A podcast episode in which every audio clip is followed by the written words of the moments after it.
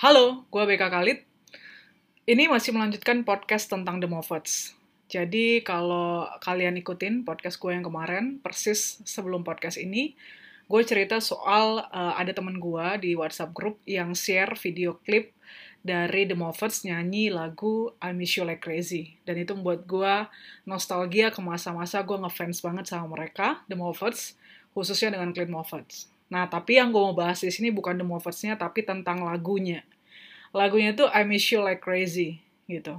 Yang kalau di bahasa Indonesia kan kurang lebih kalau gue nggak salah itu adalah gue kangen parah gitu, gue kangen berat, kangen gila gitu. Nah, eh, kalian pernah nggak sih ngerasain kangen yang bener-bener parah banget dalam hidup kalian gitu? Coba deh, kalian ingat-ingat lagi kapan terakhir kali kalian kangen sama orang lain.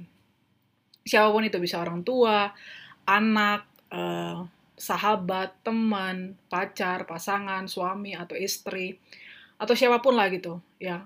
Tapi itu uh, levelnya tuh kadarnya tuh berat banget gitu loh. Pokoknya maksimum deh yang paling pol yang kalian pernah ngerasain. Gila, gue kalau bisa jangan pernah deh ngerasain sekangen ini gitu karena itu rasanya berat banget buat gue gila buat gue stres buat gue bahkan depresi mungkin gitu pernah nggak kalian dan kalian inget nggak kapan itu terjadi dan apa yang kalian lakukan untuk bisa mengobati ya. Kenapa sih istilahnya mengobati gitu? Karena itu kayak sakit. Ya nggak sih? Kalian pernah ngerasain nggak sih kalau misalkan kita kangen banget gitu, terus rasanya itu kayak bener-bener, aduh, parah banget gitu. Ya buat kita tuh bener-bener kayak uh, stres banget gitu.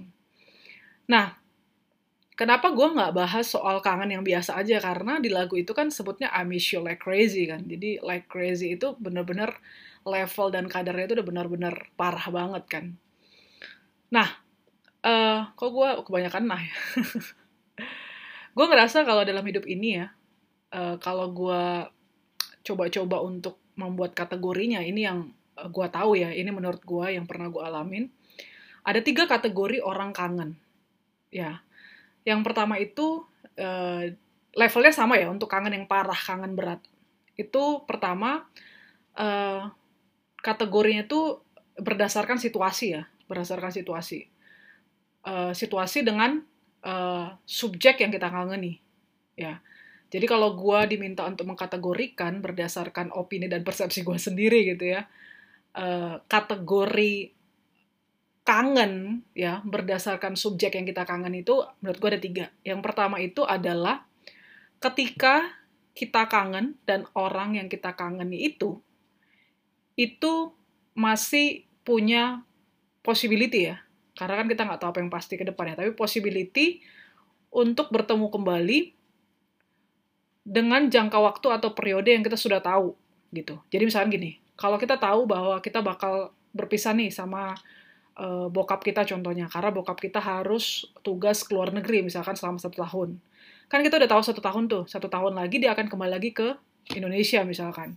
Nah, itu yang gue sebut sebagai periode yang sudah diketahui. Misalkan orang tua terpisah dengan kita karena kita harus kuliah di uh, Kalimantan misalkan. Kita tinggal di Sumatera, terus kita harus kuliah di Kalimantan.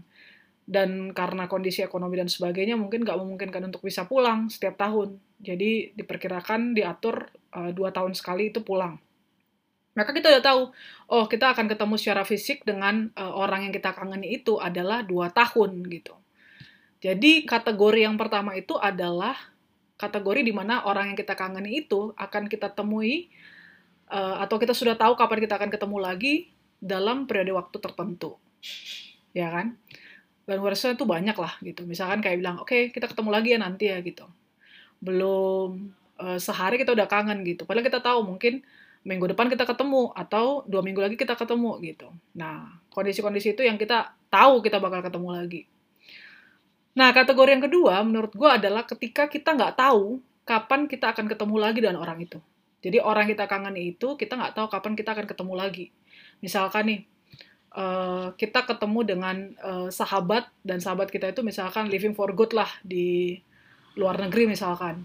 Terus kita ada di Indonesia, kita terpisah, dan kita nggak tahu kan kapan akan ketemu dia lagi gitu. Jadi kita uh, bisa kangen berat sama dia, dan situasinya kita nggak tahu kapan ketemu lagi. Ya nggak? Dan ini menurut gue uh, rasa kangennya tuh parah banget sih gitu jadi kalau level uh, gue sebutnya level apa kategori ya tapi kayak kategori yang pertama itu ya kalau lu tahu kapan akan ketemu orang yang lu kangen nih, ya mungkin lu akan bisa kayak ya udah deh, nanti gue akan ketemu lagi gitu. Gue kan gue gue tetap kangen, gue tetap uh, menggebu-gebu gitu rasa kangennya. Tapi karena gue tahu kapan akan ketemu lagi, ya udah, gue masih bisa nih mengisi waktu-waktu gue uh, dalam periode waktu tertentu yang gue udah tahu kapan sampai gue ketemu lagi gitu. Kan ada kepastian ya. Walaupun kita tahu nggak ada yang pasti di dunia ini gitu. Terus yang kedua uh, itu adalah uh, kategori di mana kita itu uh, dengan orang yang kita kangeni itu nggak tahu kapan akan ketemu lagi. Jadi tingkat possibility-nya untuk bertemu itu semakin sedikit dibandingkan dengan kategori yang pertama tadi. Ya, jadi kayak gue bilang tadi kayak misalkan kita uh, perpisahan nih di bandara sama sahabat kita yang dia memutuskan untuk uh, kuliah uh, di luar negeri misalkan. Dan kita nggak tahu ya, misalkan apakah dia kuliah akan kerja di sana, akan hidup selamanya di sana, kita nggak tahu. Dan dia juga, sahabat kita itu juga nggak tahu kan gitu. So, ya kita nggak tahu kapan kita akan ketemu lagi gitu. Atau untuk sesuatu yang memang uh, pekerjaan misalkan. Misalkan kita harus berangkat ke Labuan Bajo misalkan. Terus kita nggak tahu kapan kita akan balik karena proyek di sana itu uh, membutuhkan kita misalkan dan kita nggak tahu kapan dan berapa lama proyek itu makan waktu gitu. Nah itu kategori yang kedua. Nah kategori yang terakhir menurut gua ini yang menurut gua paling berat sih ya uh, tingkat uh, kangen yang paling parah itu yang menurut gua dengan subjek ketika orang yang lu kangen itu udah nggak ada gitu. Jadi udah nggak ada di dunia ini lagi.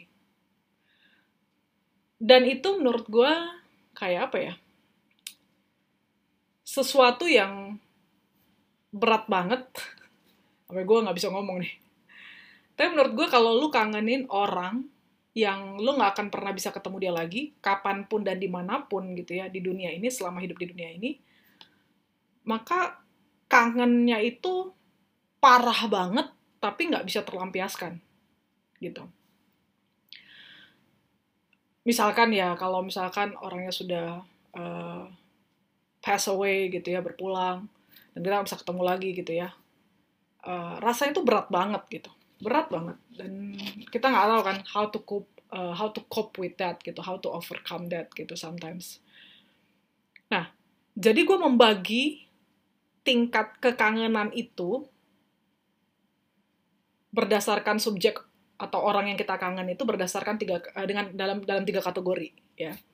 Jadi kategori yang pertama itu adalah ketika orang yang kita kangen itu kita akan ketemu lagi dalam periode waktu tertentu yang kita udah tahu kapan waktunya akan ketemu lagi. Yang kedua, orang yang kita kangen itu kita nggak tahu kapan akan ketemu lagi, tapi masih punya kemungkinan. Terus yang ketiga adalah kita nggak akan pernah bisa ketemu lagi sama orang yang kita kangeni, di mana pun dan kapan pun selama kita hidup di dunia ini. Nah, ini menunjukkan uh, eh, gue sebenarnya bahas ini ngapain ya? Gue itu mau melihat relasi ya antara kadar kekangenan kita itu dengan possibility kita bertemu dengan orang kita kangen nih. Oke, okay. sederhananya kan sering banget kan kita sebut atau kita ngomong gitu ya, kita kangen banget nih sama seseorang, ya kan? Terus ketika kita kangen, biasanya apa sih yang kita lakukan? Ya, kalau misalkan dia di kategori pertama, uh, kita tahu kapan kita akan ketemu sama dia gitu ya, dan orangnya masih ada, masih uh, kita bisa akses orangnya, masih bisa kita hubungin, kita chat, kita telepon, kita video call, ya kita lakukan komunikasi lah, kita akan lakukan itu, ya nggak? Kalau kita kangen barat, uh, berat, barat lagi, kangen berat gitu. Lalu untuk kategori yang kedua, uh, kalau hubungannya masih baik gitu ya kadang-kadang kan kalau udah jarang komunikasi dan sebagainya kadang agak sungkan juga ya untuk berkomunikasi gitu. Atau kalau misalkan hubungannya udah nggak baik atau dia nggak mau menerima kontak dari kita kan kondisi macam-macam gitu. Tapi kalau masih bisa kita juga akan lakukan hal yang sama dengan kategori yang kategori yang pertama tadi yaitu uh, kita bisa chat kita bisa telepon kita bisa video call kita bisa email atau apa pun lah gitu untuk menebus komunikasi atau mengobati rasa rindu tadi. Tapi kalau yang ketiga kita kan nggak bisa lakukan apa pun gitu. Jadi kalau lu sekarang yang lagi kangennya di kategori 1 dan 2, ya udah nggak usah dibuat ribet. Lu kontak aja gitu. Ya lu chat, lu telepon, lu uh, video call, lu email atau apa pun ya lakukan itu gitu. Tapi kalau lu dalam kondisi yang hubungan yang tidak baik gitu ya, misalkan dia nggak mau nerima kontak lu atau kalian hubungannya sedang tidak baik gitu ya, atau ada masalah dan sebagainya, ya udah rasa kangen lo itu uh, lu tumpahkan aja dalam doa. Dan itu menurut gue works banget sih gitu. Kenapa? Karena ya udah uh, kalau lu punya masalah, lu udah memaafkan orang itu tapi dia belum bisa memaafkan lu ya udah mau bilang apa ya kan? Yang penting lo uh, lakukan bagian lo lo udah memaafkan lo mau membuka komunikasi tapi kalau dia menutup ya sudah bawa dalam doa biar dia bisa mengam mengampuni lah memaafkan lo dan hubungan bisa kembali baik. Tapi kalaupun tidak baik ya sudah gitu. Yang penting dari sisi lo udah beres. Nah itu untuk kategori kedua dan pertama uh, tapi kalau untuk kategori ketiga kan kategori kedua menurut gue itu juga udah berat gitu. Tapi kalau misalkan kita nggak bisa, tapi sebenarnya menurut gue ya di kategori kedua itu, kalaupun uh, atau kategori pertama ya, lu kangen sama orangnya, tapi orangnya masih ada gitu. Tapi lu nggak bisa kontak, nggak bisa mengobati rasa kangen lu dengan berbagai halangan lah, berbagai hambatan. Itu menurut gue juga udah berat banget.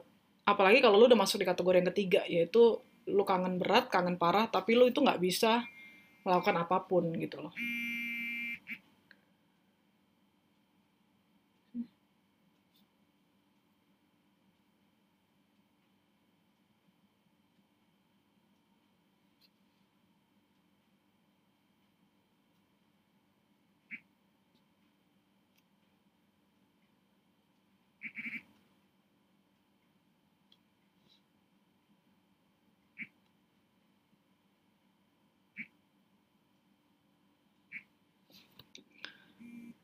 Nah, pasti itu berat banget, ya nggak?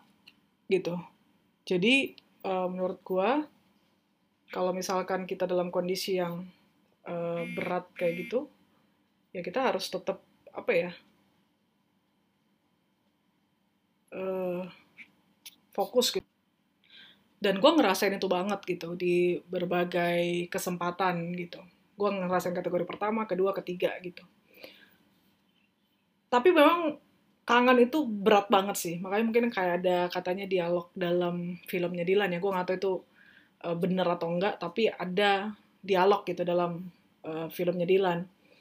Ya bilang bahwa rindu itu berat biar aku aja gitu. Karena emang berat gitu.